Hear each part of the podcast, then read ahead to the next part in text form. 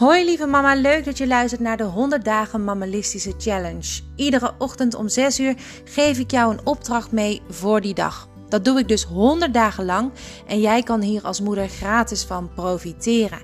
Ik doe dit om jou als moeder kennis te laten maken met het mammalisme.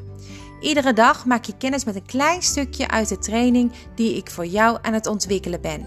Hopelijk word jij hier net als ik heel blij van. Goedemorgen deze woensdag, we zijn er weer. Uh, hey, ken je dat? Er gebeurt iets wat zo oneerlijk is en dat bespreek je met verschillende mensen. En door het delen blijf je dat oneerlijke gevoel behouden en dan blijf je hangen in de negatieve gebeurtenis. En dat werkt ook andersom. Deel veel meer de dingen die goed gaan met anderen dan de dingen die niet goed gaan met anderen. Op het moment dat je dat veel meer doet, zul je opmerken dat je ook meer energie krijgt en je veel prettiger gaat voelen.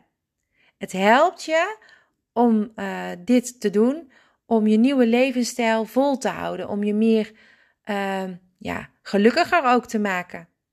Dus vandaag deel je eigenlijk de negatieve gebeurtenissen gewoon even niet. Hou ze gewoon lekker bij je.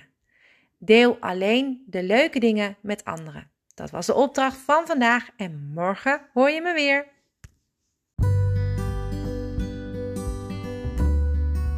Succes vandaag met deze opdracht. Morgen om 6 uur ben ik er weer. Tot dan!